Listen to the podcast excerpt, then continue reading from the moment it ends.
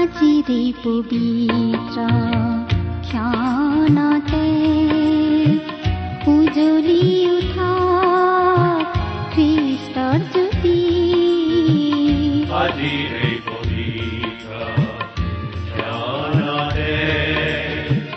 উঠ খ্ৰীষ্টৰ জ্যোতি। প্ৰভু যীশু খ্ৰীষ্টৰ নামেৰে ভক্তিবচন অনুষ্ঠানৰ তৰফৰ পৰা আপোনালৈ অভিনন্দন জনাইছো প্ৰিয় শ্ৰোতা। ভক্তিবচন অনুষ্ঠান শুনিবলৈ আপুনি সময়কণ উলিওৱাৰ বাবে বহু ধন্যবাদ। আজিও আমি আপোনালৈ লৈ আহিছো প্ৰভু যীশুৰ বাণী আৰু বাইবেলৰ জীৱনদায়ক কথাৰ শিক্ষামূলক অনুষ্ঠান ভক্তিবচন। আশা কৰো আপুনি এই অনুষ্ঠানৰ যোগেৰে আশীৰ্বাদৰ কথাবোৰ উপভোগ কৰিব পাৰিছে। ঈশ্বৰৰ সৰ্বজ্ঞানী শক্তিয়ে আপোনাৰ জীৱনৰ সকলো কথা জানে। তেওঁৰ আগত আপোনাৰ একো কথা লুকাই নাথাকে। যিবোৰ কথা আপোনাৰ অতি অন্তৰংগ বন্ধুজনেও বুজি নাপায় সেইবোৰ ঈশ্বৰে খুব ভালদৰে বুজে। লগতে আপোনাৰ প্ৰতিটো সমস্যাৰ প্ৰকৃত সমাধানো তেওঁ জানে। আচলতে পৃথিৱীৰ একো কথাই তেওঁৰ জ্ঞানৰ বাহিৰত নহয় তেওঁ সকলো জানে। মাথোন তেওঁৰ আগত আপুনি নিজ মুখেৰে স্বীকাৰহে কৰিব লাগে। তেওঁ পূৰ্বৰে পৰাই আপোনাৰ প্ৰতিটো বিষয় জানি আছে। আপুনি তেওঁৰ আগত স্বীকাৰ কৰা মাত্ৰকে তেওঁ আপোনাৰ হৈ কাৰ্য কৰিবলৈ ধৰে। আপুনি বাৰু তেওঁৰ আগত মনৰ সকলো কথা নিজ মুখেৰে স্বীকাৰ কৰিলেনে? তেওঁৰ এই জ্ঞানৰ কথাই আপোনাক নতুন উদ্যম দিয়ক। এই আশাৰে আপোনালৈ এয়া আগবঢ়াইছো। ভক্তিবচন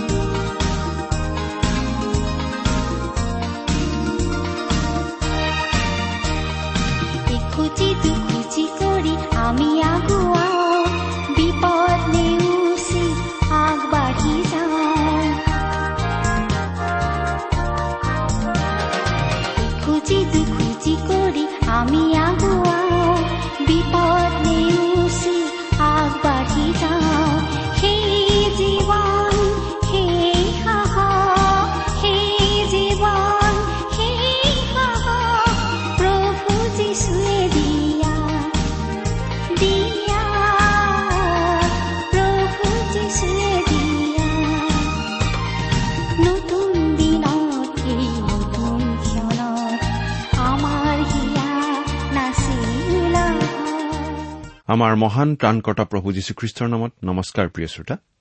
আশা কৰো আপুনি ভালে কুশলে আছে। আৰু লগতে এই বুলিও আশা কৰিছো যে আপুনি আমাৰ এই ভক্তিবচন অনুষ্ঠানটো নিয়মিতভাৱে শুনি আছে আৰু মাজে সময়ে আপোনাৰ মতামত আদি জনাই আমালৈ চিঠি পত্ৰ আদি লিখি আছে। আমালৈ চিঠি পত্ৰ লিখিবলৈ যেন নাপাহৰে কাৰণ আপোনালোকৰ পৰা চিঠি পত্ৰ পালেহে আমি আমাৰ কাম কৰি যাবলৈ উৎসাহ পাওঁ। আহকচোন সদায় কৰি অহাৰ দৰে আজিও আমাৰ বাইবেল অধ্যয়ন আৰম্ভ কৰাৰ আগতে খন্তেক প্ৰাৰ্থনাত মূৰ দুৱাওঁ। স্বৰ্গত থকা অসীম দয়ালু কৰোণাময় পিতৃ তোমাক ধন্যবাদ জনাইছো কিয়নো তুমি আমাক আকৌ এটা নতুন দিন দেখিবলৈ দিছা আৰু তোমাৰ মহান বাক্য বাইবেল শাস্ত্ৰ অধ্যয়ন কৰিবলৈ আমাক আকৌ এটা সুযোগ দান কৰিছা। তোমাৰ এই বাক্যৰ যোগেৰে তুমি আমাৰ প্ৰত্যেকৰে প্ৰয়োজন অনুসাৰে আমাক কথা কোৱা তোমাৰ মাত আমাক শুনিবলৈ দিয়া। আমাৰ মৰমৰ শ্ৰোতাসকলৰ জীৱনত তোমাৰ অনুগ্ৰহৰ আশীৰ্বাদ প্ৰকাশ পাই উঠিবলৈ দিয়া। কিয়নো এই প্ৰাৰ্থনা আমাৰ মহান ত্ৰাণকৰ্তা মৃত্যুঞ্জয় প্ৰভু যীশুখ্ৰীষ্টৰ নামত আগবঢ়াইছো।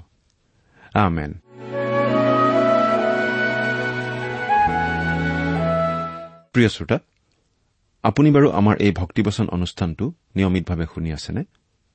যদিহে আপুনি এই অনুষ্ঠানটো শুনি আছে তেনেহলে এই কথা আপুনি নিশ্চয় জানে যে আমি আজি ভালেমান দিন ধৰি যিচয়া ভাৱবাদীৰ পুস্তকখন অধ্যয়ন কৰি আছো।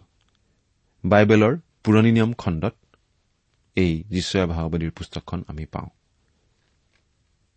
আমি আগতে উল্লেখ কৰি আহিছো যে এই যিচয়া ভাৱবাদীৰ পুস্তকখন এখন ভাৱবাণীমূলক পুস্তক। ইয়াৰ যোগেদি যিচয়া ভাৱবাদীৰ যোগেদি ঈশ্বৰে জনোৱা কিছুমান ভাৱবাণী আমি বিশেষভাৱে পাওঁ। কিছুমান ভাৱবাণী সেই সময়তেই ফলিয়াবৰ বাবে দিয়া হৈছিল। কাৰণ ভাৱবাদীজন যে সঁচাকৈয়ে ঈশ্বৰে পঠিওৱা ভাৱবাদী সেই কথা প্ৰমাণিত হবলৈ তেনেকুৱা কিছুমান ভাৱবাণী দিয়া হৈছিল যিবোৰ সেই সময়ৰ মানুহৰ চকুৰ আগতেই ফলিয়াইছিল। কিছুমান ভাৱবাণী আছিল ভৱিষ্যতে ফলিয়াবলগীয়া। তাৰে কিছুমান ভাৱবাণী ইতিমধ্যে ফলিয়াই গৈছে। বিশেষকৈ প্ৰভু যীশুৰ জন্মৰ বিষয়ে দিয়া ভাৱবাণীবোৰ আজিৰ পৰা প্ৰায় দুহেজাৰ বছৰ আগতে ফলিয়াই যোৱা বুলি আমি জানো।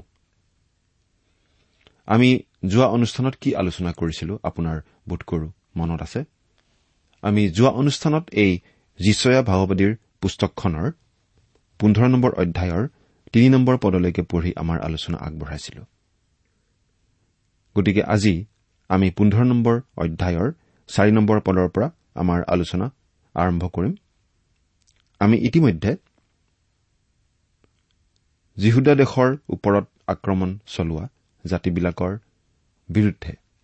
ঈশ্বৰ জিহুৱাই যে দণ্ড নমাই আনিব সেই বিষয়ে জনোৱা ভাৱবাদী কিছুমান পঢ়ি আছো। আমি যোৱা অনুষ্ঠানত বাবিলৰ বিৰুদ্ধে আৰু মোৱাবৰ বিৰুদ্ধে ঈশ্বৰে যে দণ্ড নমাই আনিব সেই বিষয়ে যি ভাৱবাণী দিছিল সেই কথা পঢ়িবলৈ পাইছিলো। আৰু তাৰে কথাবোৰ ফলিবা বুলিও আমি ইতিমধ্যে উল্লেখ কৰি আহিছো। প্ৰিয় শ্ৰোতা এই যিচয়া পুস্তকৰ পোন্ধৰ নম্বৰ অধ্যায়ৰ এক নম্বৰ পদৰ পৰা ষোল্ল নম্বৰ অধ্যায়ৰ চৈধ্য নম্বৰ পদ অৰ্থাৎ শেষ পদলৈকে মোৱাব বিষয়ক ভাৰ বাক্য আমি পাওঁ। ভাৰ বাক্য মানে তেওঁলোকৰ ওপৰলৈ যে ঈশ্বৰৰ ভাৰ বা দণ্ড বা শাস্তি নামি আহিব সেই বিষয়ে যি বাক্য ভাৱবাণী হিচাপে ঘোষণা কৰা হৈছিল সেই বাক্যকে আমি ভাৰ বাক্য বুলি কৈছো। তাৰ পাছত সোতৰ নম্বৰ অধ্যায়ৰ এক নম্বৰ পদৰ পৰা এঘাৰ নম্বৰ পদলৈকে আমি পাওঁ দম্মেচক আৰু ইফ্ৰইমৰ বিৰুদ্ধে কোৱা ভাৱবাণীৰ বিষয়ে। মোৱাব দম্মেচক বা ইফ্ৰইমৰ ক্ষেত্ৰত কি হ'ব বা নহ'ব তেনেকুৱা ভাৱবাণী দেখি সেইবোৰৰ পৰা ব্যাখ্যা কৰিবলগীয়া যিহেতু বিশেষ কথা বা বিষয় নাথাকিব সেয়েহে আমি কিছু দীঘল দীঘল শাস্ত্ৰাংশ সামৰি ল'ব খুজিছো একেলগে। ব্যাখ্যা কৰিবলগীয়া নাথাকিলেও আমি শাস্ত্ৰাংশখিনি পঢ়ি যাম। পোন্ধৰ নম্বৰ অধ্যায়ত আৰম্ভ হোৱা মোৱাবৰ ভাৰ বাক্যৰ বিষয়ে আৰম্ভ কৰি আমি ইতিমধ্যে ইয়াৰ আগৰটো পাঠত পোন্ধৰ নম্বৰ অধ্যায়ৰ তিনিটা পদ পাঠ কৰিছিলো আৰু চমুকৈ আমাৰ মন্তব্য আগবঢ়াইছিলো। আজিৰ অধ্যয়নত আমি চাৰি নম্বৰ পদৰ পৰা পঢ়ি যাম। আৰু য'তেই আলোচনাৰ বা ব্যাখ্যাৰ প্ৰয়োজন হয় আমি আলোচনা বা ব্যাখ্যা আগবঢ়াম। এতিয়া আমি বাইবেলৰ পৰা পাঠ কৰি যাম। আপুনি যদি হাতত বাইবেলখন লৈ লৈছে তেতিয়াহ'লে আমি পঢ়ি যাওঁতে চাই যাব পাৰে। আৰু যদিহে আপোনালোকৰ হাতত বাইবেল নাই তেতিয়াহ'লে আমি পাঠ কৰি দিওঁতে অনুগ্ৰহ কৰি মন দি শুনি যাব। এয়া পোন্ধৰ নম্বৰ অধ্যায়ৰ চাৰি নম্বৰ পদৰ পৰা ন নম্বৰ পদ পাঠ কৰিছো। হিচবুন আৰু ইলিয়ালিয়ে চিঞৰিছে। জহচলৈকে সিহঁতৰ শব্দ শুনা গৈছে। এই হেতুকে মোৱাবৰ সুসজ্জিত লোকবিলাকে আৰ্তনাদ কৰিছে আৰু তাৰ প্ৰাণ তাৰ অন্তৰত কঁপিছে। মোৰ হৃদয়ে মোৱাবৰ নিমিত্তে চিঞৰিছে। তাৰ প্ৰধান লোকবিলাকে চোৱৰলৈ ইগ্লত চলিচিয়ালৈ পলাই গৈছে। কিয়নো সিহঁতে লোহিতলৈ উঠি যোৱা বাটেদি কান্দি কান্দি উঠি গৈছে কাৰণ সিহঁতে হেৰুনৈমৰ বাটত সৰ্বনাশ সৰ্বনাশ বুলি আতাহ পাৰিছে। কিয়নো নিম্ৰিমৰ জলসমূহ মৰুভূমি হল কাৰণ ঘাঁহ শুকাই গ'ল। কোমল তৃণ নাইকিয়া হল কেঁচা বৰণীয়া একোৱেই নাই। এই হেতুকে সিহঁতে নিজৰ আৰ্জিত যথেষ্ট ধন আৰু সাঁচি থোৱা বস্তু বাইচি গছৰ জুৰিৰ সিপাৰলৈ লৈ যাব। কিয়নো চিঞৰে মোৱাবৰ সকলো সীমা জুৰিছে। তাৰ হাহাকাৰ ইগ্লইমলৈকে আৰু তাৰ হাহাকাৰ বেৰ এলিমলৈকে শুনা গৈছে।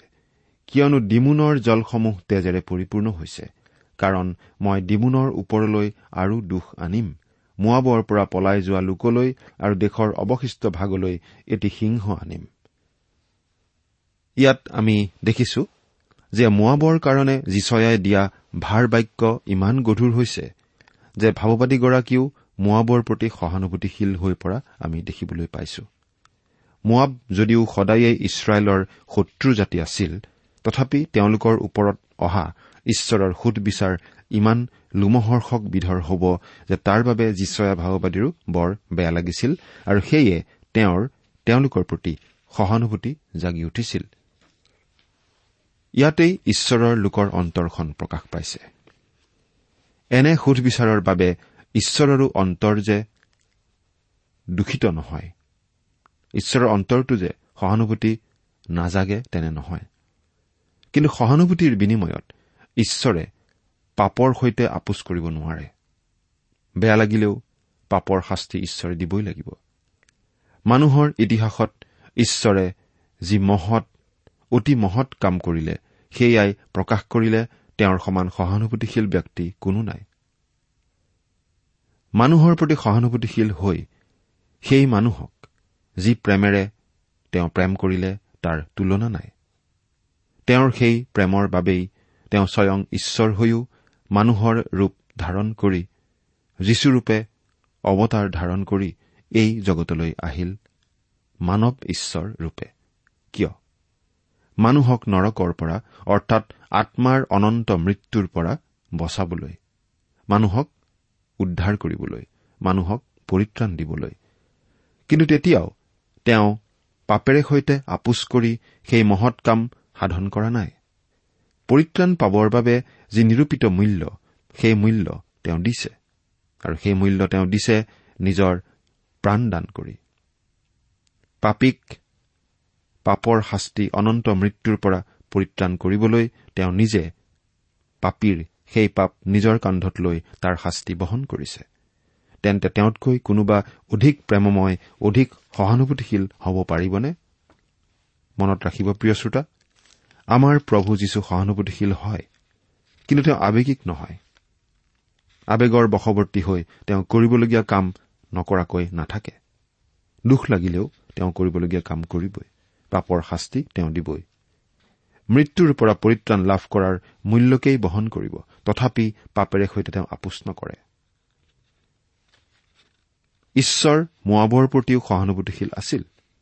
কিন্তু সহানুভূতিশীল হৈ ঈশ্বৰে সেই সহানুভূতিৰ বিনিময়ত মোৱাবৰ কাৰণেও পাপেৰে সৈতে আপোচ নকৰে। কিন্তু মোৱাবে যদি নম্ৰ হৈ পাপ ত্যাগ কৰি ঈশ্বৰৰ গুৰিলৈ ঘূৰিলেহেঁতেন তেতিয়া অৱশ্যে আৱেগিক হৈ পৰিলেহেঁতেন আৰু মেলা বাহু দুখনেৰে মোৱাবক তেওঁ সাৱটি ধৰি তেওঁৰ নিজৰ সন্তানৰূপে গ্ৰহণ কৰিলেহেঁতেন। প্ৰিয় শ্ৰোতা পোন্ধৰ নম্বৰ অধ্যায়ৰ চাৰি পদৰ পৰা ন পদলৈ যি ভাৱবাণী মোৱাবৰ ক্ষেত্ৰত আমি পঢ়ি আহিলো সেই সকলো ইতিমধ্যে আক্ষৰিক অৰ্থতেই সিদ্ধ হৈ গ'ল। মোৱাবৰ ক্ষেত্ৰত ভাৰ বাক্য ইমান কঠোৰ আৰু গধুৰ আছিল যে আজি পৃথিৱীৰ বুকুত মোৱাব বুলি কোনো জাতি বা দেশ নাই। যিচয়া ষোল্ল নম্বৰ অধ্যায়ত আমি পাওঁ ঈশ্বৰে মোৱাবক পুনৰ আহান কৰিছে তাৰ কাৰণে প্ৰস্তুত কৰি ৰখা ঈশ্বৰৰ দয়া যেন সি গ্ৰহণ কৰে। ষোল্ল নম্বৰ অধ্যায়ৰ এক নম্বৰ পদ তোমালোকে দেশৰ অধিপতিয়ে পাবলগীয়া পুষ্ট ভেড়া চেলাৰ পৰা অৰণ্যৰ ফাললৈ চিউন জীয়ৰীৰ পৰ্বতটোলৈ পঠাই দিয়া। বেদীত বলি দিবলৈ মোৱাবৰ পৰা ইছৰাইলৰ দেশলৈ এটা মেৰ পঠাব লাগিছিল। সেই মেৰে জগতৰ পাপ নিওতা মেৰ পোৱালি যীশুখ্ৰীষ্টকেই বুজায়। জোখন এক অধ্যায় ঊনত্ৰিশ পদ। তাত যীশুখ্ৰীষ্টক জগতৰ পাপ নিওতা মেৰ পোৱালি বুলি কোৱা হৈছে। অৰ্থাৎ তেওঁৱেই সেই বলিৰ মেৰ যি মেৰে গোটেই জগতৰ পাপৰ প্ৰাচিত্য কৰিবলৈ নিজে বলি হিচাপে আগবাঢ়িছিল। তেওঁলোকে মেয়ৰটো ইছৰাইললৈ পঠাই দিয়াৰ দ্বাৰা এই বিশ্বাসৰ পৰিচয় দিলেহেঁতেন যে ইছৰাইলৰ ঈশ্বৰেই তেওঁলোকৰো ঈশ্বৰ। কিন্তু তেওঁলোকে সেই মেয়ৰটো নপঠিয়ালে। তেওঁলোক যিগৰাকী সৰ্বোপৰি ঈশ্বৰৰ সন্তান সেই ঈশ্বৰৰ প্ৰতি কোনো আনুগত্য নৰখাকৈয়ে তেওঁৰ যোগ্য পূজা নকৰাকৈয়ে মোৱাবিয়াসকল বৰ ধৰ্মপৰায়ণ লোক হৈ দেখুৱাবলৈ ইচ্ছা কৰিছিল আৰু সেইটোৱেই আছিল ডাঙৰ পাপ। এতিয়া আমি ষোল্ল নম্বৰ অধ্যায়ৰ দুই নম্বৰ পদৰ পৰা পাঁচ নম্বৰ পদলৈকে পাঠ কৰি দিছো। কিয়নো অৰ্ণুনৰ পাৰ ঘাটবোৰত মোৱাবৰ জীয়ৰীবিলাক ভ্ৰমি ফুৰা চৰাইৰ নিচিনা বাঁহৰ পৰা খেদি দিয়া পক্ষীৰ নিচিনা হ'ব। পৰামৰ্শ দিয়া ন্যায় বিচাৰ কৰা দুপৰীয়া নিজৰ ছায়াক ৰাতিৰ নিচিনা কৰা খেদি দিয়াবিলাকক লুকুৱাই ৰখা ভ্ৰমি ফুৰা লোকক দেখুৱাই নিদিবা। মোৰ খেদি দিয়া লোকক তোমাৰ লগত বাস কৰিবলৈ দিয়া। মোৱাবৰ নিমিত্তে হলে তুমি লুট কৰাজনৰ সন্মুখত লুকাই থকা ঠাই হোৱা। কিয়নো অন্যায়ৰূপে গ্ৰহণকাৰী লুপ্ত হল লুট থামিল অত্যাচাৰীহঁত দেশৰ পৰা উচ্ছন্ন হল আৰু এখন সিংহাসনত দয়াত স্থাপিত হ'ব আৰু যিজনে বিচাৰ কৰিব ন্যায়ৰ চেষ্টা কৰিব আৰু ধাৰ্মিকতাৰ কাৰ্য কৰিবলৈ বেগী হ'ব সেইজনে ডায়ুদৰ তম্বুত সত্যতাৰে তাৰ ওপৰত বহিব। অৰ্ণোনখন এখন তেনেই সৰু নৈ। এই নৈখন কোনো শত্ৰু জাতিৰ বাবে বাধা হ'ব পৰা নাছিল। সেয়ে ওচৰীয়াসকলে সহজে এই নৈখন পাৰ হৈ মোৱাব আক্ৰমণ কৰিব পাৰিছিল। পাচনি কৰ্ম পোন্ধৰ নম্বৰ অধ্যায়ৰ ওঠৰ পদত জাকুবে কৈছে যে ডায়ুদৰ পঁজা পৰি আছিল। কিন্তু ঈশ্বৰে পৰজাতি লোকৰ পৰা পৰিত্ৰাণপ্ৰাপ্ত লোকসকলৰে মণ্ডলী স্থাপন কৰাৰ পাছত পুনৰ ডায়ুদৰ সেই পৰি থকা পজা নিৰ্মাণ যে কৰিব তাকেই যীচয়াই কৈছে। ষোল্ল নম্বৰ অধ্যায়ৰ পাঁচ নম্বৰ পদ। এতিয়া ষোল্ল নম্বৰ অধ্যায়ৰ ছয় নম্বৰ পদৰ পৰা চৈধ্য নম্বৰ পদলৈকে পঢ়ি দিম। আমি মোৱাবৰ অহংকাৰৰ বিষয়ে শুনিলো যে সি বৰ গৰ্বী। তাৰ দৰ্প অহংকাৰ আৰু ক্ৰোধৰ বিষয়েও শুনিলো। তাৰ বৰ বৰ কথা মিছা। এই হেতুকে মোৱাবে মোৱাবৰ নিমিত্তে হাহাকাৰ কৰিব। তাৰ প্ৰতিজনে হাহাকাৰ কৰিব।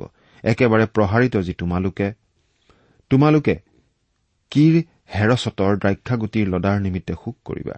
কিয়নো হিজবোনৰ শস্যক্ষেত্ৰ আৰু শিৱমাৰ দ্ৰাক্ষালতা দালি জয় পৰিল। জাতিবোৰৰ অধিপতিবিলাকে তাৰ উত্তম ডালবোৰ ভাঙি পেলালে। সেইবোৰে জাজেৰে পাইছিলগৈ। সেইবোৰে বগাই অৰণ্যৰ মাজলৈকে গৈছিলগৈ আৰু তাৰ থালবোৰ সমুদ্ৰৰ সিপাৰলৈকে ব্যাপি গৈছিল। এই হেতুকে মই শিৱমাৰ লতাদালিৰ নিমিত্তে জাজেৰৰ কান্দনিৰে কান্দিম। হে হিজবুন হে ইলিয়ালি মই মোৰ চকুলোৰে তোমাক তিয়াম কাৰণ তোমাৰ ফলৰ আৰু দাবলগীয়া শস্যৰ ওপৰত যুদ্ধৰ ধ্বনিস্বৰূপ বজ্ৰপাত পৰিল। আনন্দ আৰু হৰ্ষক ফলবান বাৰীৰ পৰা দূৰ কৰা হল। দ্ৰাক্ষাবাৰীবোৰত গান কি আনন্দধ্বনি আৰু নহব? দ্ৰাক্ষাকুণ্ডত গছকি দ্ৰাক্ষাৰস উলিয়াবলৈ কোনো গছকোটা নহব? মই দ্ৰাক্ষা গছকা আনন্দধ্বনিটি থমালো। এই নিমিত্তে মোৰ নাৰীবোৰ মোৱাবৰ কাৰণে আৰু মোৰ অন্তৰৰ ভাগবোৰ কিৰ হেৰচতৰ নিমিত্তে এখন বিনাৰ নিচিনাকৈ বাজিছে। আৰু যেতিয়া মোৱাবে উপস্থিত হৈ ওখ ঠাইখনত নিজকে ক্লান্ত কৰিব আৰু প্ৰাৰ্থনা কৰিবলৈ পবিত্ৰ স্থানত সোমাব তেতিয়া সি কৃতকাৰ্য নহব। এই শাস্ত্ৰাংশখিনিত পাওঁ মোৱাবৰ ভীষণ অহংকাৰৰ কথা। মোৱাবৰ এই থৰডিঙীয়া আচৰণটোৱেই আছিল কাৰণ যিটো কাৰণৰ কাৰণেই ঈশ্বৰে মোৱাবক প্ৰত্যাখ্যান কৰিব লগা হৈছে আৰু তেওঁলোকক বৰ কঠোৰ সোধ বিচাৰেৰে সোধ বিচাৰ কৰিবলৈ ঈশ্বৰ বাধ্য হৈছে। তেওঁলোকৰ অহংকাৰ আৰু গৰ্বৰ কাৰণেই ঈশ্বৰে তেওঁলোকে আগবঢ়োৱা দয়াকো প্ৰত্যাখ্যান কৰিছিল। ষোল্ল নম্বৰ অধ্যায়ৰ তেৰ আৰু চৈধ্য নম্বৰ পদ পাঠ কৰি দিছো। এইয়ে জিহুৱাই মোৱাবৰ বিষয়ে পূৰ্বে কোৱা বাক্য। কিন্তু এতিয়া জিহুৱাই কৈছে বেচ খাই কাম কৰা মানুহৰ বছৰৰ নিচিনা তিনি বছৰৰ ভিতৰত তাৰ সমস্ত লোকাৰণ্যৰে সৈতে মোৱাবৰ গৌৰৱ তুচ্ছনীয় হ'ব আৰু অৱশিষ্ট ভাগ অতি ক্ষুদ্ৰ আৰু নগণ্য হ'ব। তিনি বছৰৰ ভিতৰতে মোৱাব নষ্ট হ'ব লাগে আৰু বাস্তৱিকতে তিনি বছৰৰ ভিতৰতেই ঈশ্বৰে অচুৰীয়াবিলাকক ব্যৱহাৰ কৰি মোৱাবক তেনেদৰে উচ্ছন্ন কৰিলে। তেওঁলোকৰ অহংকাৰৰ নিমিত্তেই এয়া আছিল তেওঁলোকৰ ওপৰলৈ অহা ঈশ্বৰৰ সুধবিচাৰ। প্ৰভাতীয়তৰা লুচিফাৰো তেনে ভীষণ অহংকাৰেৰে বৰ অহংকাৰী হৈছিল। ঈশ্বৰৰ সিংহাসনৰো ওপৰত সি তাৰ সিংহাসন পাতিব খুজিছিল। ঈশ্বৰৰ পৰা স্বাধীন হৈ সি তাৰ সাৰ্বভৌম ৰাজ্য পাতিব বিচাৰিছিল। আনকি আজিকালি নৰম বা উদাৰপন্থীসকলৰ যিবোৰ ঈশ্বৰ তত্বৰ শিক্ষা সেই আটাইবোৰ অহংকাৰৰ পৰাই উৎপত্তি হৈছে। অহংকাৰৰ ধোঁৱা কোৱাত তেওঁলোকে ঈশ্বৰৰ বচনক ঈশ্বৰৰ বচনৰূপে দেখা নাপায়। ঈশ্বৰৰ বচন তেওঁলোকে শুধৰাব পাৰে পোনাব পাৰে। কিছুমান গুচাব পাৰে আৰু কিছুমান যোগ দিব। এয়া সীমা চেৰাই যোৱা অহংকাৰ। এওঁলোকেই আধুনিক মোৱাবিয়া। মোৱাবৰ ওপৰত অহাৰ দৰে এনেকুৱা আধুনিক মোৱাবসকলৰ ওপৰতো সুদবিচাৰ নহাকৈ থাকিবনে বাৰু? নহাকৈ থকাটো উচিত নে বাৰু? ইয়াৰ উত্তৰটো ঈশ্বৰেহে জানে। কাৰণ সুদবিচাৰ কৰাটো ঈশ্বৰৰ কাম। আমি কাৰো সুদবিচাৰ কৰিব নোৱাৰো কাকো দোষী বুলিও ক'ব নোৱাৰো। এতিয়া সোতৰ নম্বৰ অধ্যায়ৰ এক নম্বৰ পদৰ পৰা এঘাৰ নম্বৰ পদলৈ আমি পাওঁ দম্মেচক আৰু ইফ্ৰইমৰ ওপৰলৈ অহা ভাৰ বাক্য। ইয়াত দম্মেচক বুলি কওঁতে কেৱল দম্মেচক নগৰখনকেই বুজোৱা হোৱা নাই। গোটেই ছিৰিয়া বা অৰামিয়া জাতি বা দেশখনকেই ইয়াত বুজোৱা হৈছে। আদিম কালৰ পৰাই দম্মেচকখন ছিৰিয়া বা অৰামিয়া দেশৰ ৰাজধানী হৈ আহিছে। আৰু আজিলৈকে সেই দেশৰ ৰাজধানী এই দম্মেচকেই। দম্মেচক জেৰিকো আদি কৰি কেইবাখন নগৰক পৃথিৱীৰ আটাইতকৈ পুৰণি নগৰ বুলি দাবী কৰা হয়। আনহাতে ইফ্ৰইম হৈছে ইছৰাইল জাতিৰ এটা ফৈদ জোচেফৰ পুত্ৰ ইফ্ৰইমৰ বংশধৰসকলকেই ইফ্ৰইম ফৈদ বোলা হয়। ইফ্ৰইম নামৰ এখন নগৰো একে নামৰ এখন পাহাৰো আছে। আৰু ইফ্ৰইম নামটো এজন মানুহৰো নাম। ইফ্ৰইমৰ ওপৰতো দম্মেচকৰ লগতে ভাৰ বাক্য একেলগে আহিছে। কাৰণ জিহুদা আক্ৰমণ কৰিবলৈ অৰামিয়া বা ছিৰিয়া লোকসকলে ইছৰাইলৰ মিত্ৰতা স্থাপন কৰি মিত্ৰগোষ্ঠী গঠন কৰিছিল। অপৰাধ সংঘটিত কৰিবলৈ লওঁতে সন্মিলিত যেনেকৈ হৈছিল এতিয়া সুদবিচাৰৰ সন্মুখীন হওঁতেও ঈশ্বৰে সন্মিলিত জাতি হিচাপে দম্মেচক ইফ্ৰইম দুয়োকো একেলগে আনিছে। এই সন্মিলিত গোষ্ঠীটোৰ ওপৰত সুদবিচাৰ কৰাৰ কাৰণটো সোতৰ নম্বৰ অধ্যায়ৰ দহ নম্বৰ পদত দিয়া হৈছে। পদটোত কাৰণটো এই বুলি কোৱা হৈছে তেওঁলোকে তেওঁলোকৰ পৰিত্ৰাণৰ ঈশ্বৰক পাহৰিলে। আৰু তেওঁলোকৰ বল ৰূপ শিলালৈ অমনোযোগী হল। সোতৰ নম্বৰ অধ্যায়ৰ এক নম্বৰ পদটো পাঠ কৰি দিছো।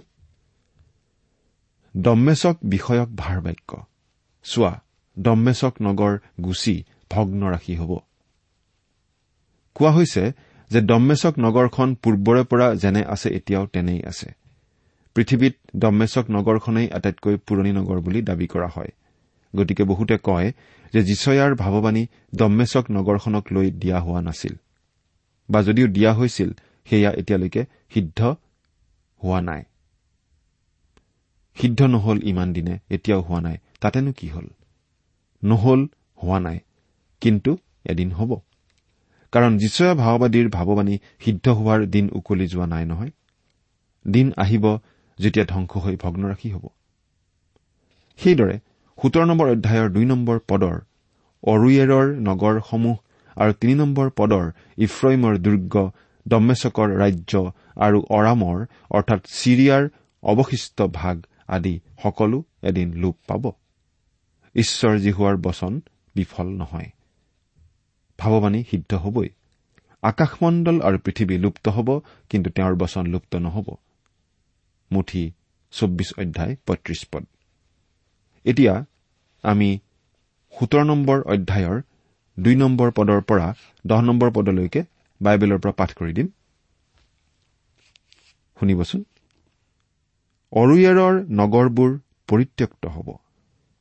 সেইবোৰ ভেড়াৰ জাকৰ নিমিত্তে চৰণীয়া ঠাই হ'ব। ভেড়াবোৰে কাৰো পৰা ভয় নোপোৱাকৈ তাত শুব। ইফ্ৰইমৰ দুৰ্গ দম্মেচকৰ ৰাজ্য আৰু অৰামৰ অৱশিষ্ট ভাগ লোপ পাব। বাহিনীবিলাকৰ জিহুৱাই কৈছে সেইবোৰ ইছৰাইলৰ সন্তানবিলাকৰ গৌৰৱ সদৃশ হ'ব। আৰু সেইদিনা জাকুবৰ গৌৰৱ অতি দুৰ্বল হ'ব আৰু তাৰ হৃষ্টপুষ্ট শৰীৰ ক্ষীণ হ'ব। আৰু যেনেকৈ ধান দাওঁতাই থিয় হৈ থকা শস্য গোটাই আৰু নিজ হাতেৰে থোকবোৰ কাটে বা যেনেকৈ কোনোৱে ৰফাইম উপত্যকাত থোকবোৰ বুটলে সেইদৰে হ'ব। তথাপি ইছৰাইলৰ ঈশ্বৰ জিহুৱাই কৈছে এজোপা জিত গছ জোকৰাত যেনেকৈ অতি ওখ ডালটিৰ আগত দুটা তিনিটা গুটি থাকে যেনেকৈ এজোপা ফলৱতী গছৰ ডালবোৰত চাৰিটা পাঁচোটা গুটি থাকে তেনেকৈ তাত অলপ অৱশিষ্ট থাকিব। সেইদিনা মানুহে নিজ সৃষ্টিকৰ্তালৈ মুখ কৰিব আৰু নিজ চকুৰে ইছৰাইলৰ পবিত্ৰজনলৈ দৃষ্টি কৰিব আৰু সি নিজ হাতৰ কাৰ্য যজ্ঞবেদীবোৰলৈ চকু নিদিব। নাইবা তাৰ আঙুলিৰে সজা আচেৰা মূৰ্তিবোৰ বা সূৰ্য প্ৰতিমাবোৰলৈ দৃষ্টি নকৰিব। যি ঠাইবোৰ ইছৰাইলৰ সন্তানবিলাকৰ ভয়ত পৰিত্যক্ত হৈছিল সেইদিনা তাৰ দৃঢ় নগৰবোৰ কাঠনিত আৰু পৰ্বতৰ টিঙত থকা সেই পৰিত্যক্ত ঠাইবোৰৰ নিচিনা হ'ব। আৰু দেশ উচ্ছন্ন হ'ব কিয়নো তুমি তোমাৰ পৰিত্ৰাণৰ ঈশ্বৰক পাহৰিলা আৰু তোমাৰ বলস্বৰূপ শিলালৈ অমনোযোগী হলা। এই নিমিত্তে তুমি সুন্দৰ সুন্দৰ পুলিবোৰ ৰুইছা আৰু তাৰ মাজত বিদেশী কলম লগাইছা।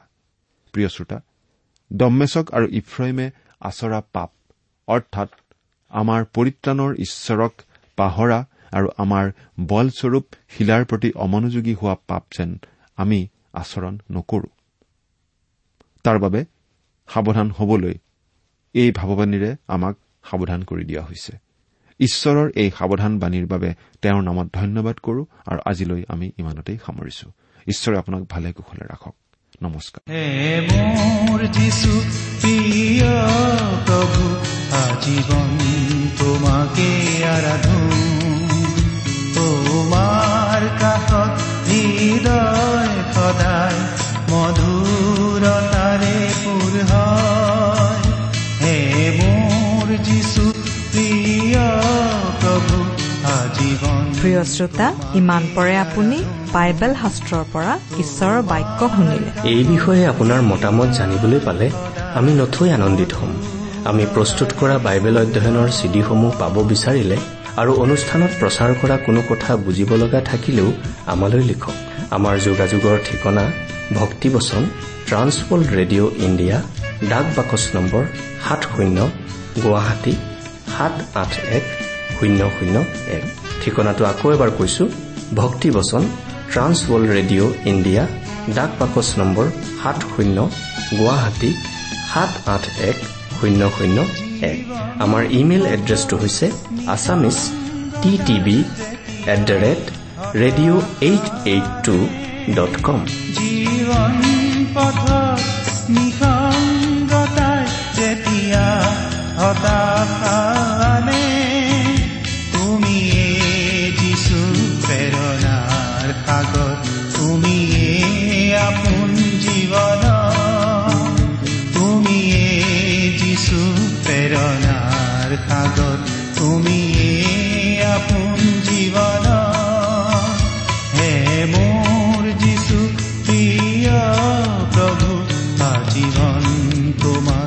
Website W W W dot T W R dot in আপুনি টেলিফোনৰ মাধ্যমেৰেও আমাক যোগাযোগ কৰিব পাৰে। আমাৰ টেলিফোন নম্বৰটো হৈছে nine eight five four zero' four zero' eight eight nine phone নম্বৰটো আকৌ এবাৰ কৈছো ন আঠ পাঁচ চাৰি শূন্য চাৰি শূন্য আঠ আঠ ন আপুনি এই ভক্তিবচন অনুষ্ঠানটি আমাৰ website W W W dot radio' eight eight two dot কমতো শুনিব পাৰিব। আজিৰ অনুষ্ঠানটি ইমানতেই সামৰিছো। ঈশ্বৰৰ শান্তি আৰু অনুগ্ৰহ আপোনাৰ লগত থাকক। ধন্যবাদ। যদিও আছে প্ৰতিটো খোজতে দুখৰ ছায়া জীৱন যদিও আছে প্ৰতিটো খোজতে দুখৰ ছায়া জীৱন তুমিয়ে গভীৰ সান্তনাৰ সাগৰ তুমিয়ে সাধনা জীৱন তুমিয়ে গভীৰ সান্তনাৰ সাগৰ তুমিয়ে সাধনা জীৱন হে মোৰ যিছু প্ৰিয় প্ৰভু আজীৱন তোমাকে আৰাধো তোমাৰ কাষত হৃদয় সদায় মধুৰতাৰে পুৰ হয়। হে মোৰ যিছু প্ৰিয় প্ৰভু আজীৱন তোমাকে আৰাধো। তোমাৰ কাষত হৃদয় সদায় মধুৰতাৰে পুৰ হয়। মধুৰতাৰে পুৰ হয়। মধুৰতাৰে পুৰ হয়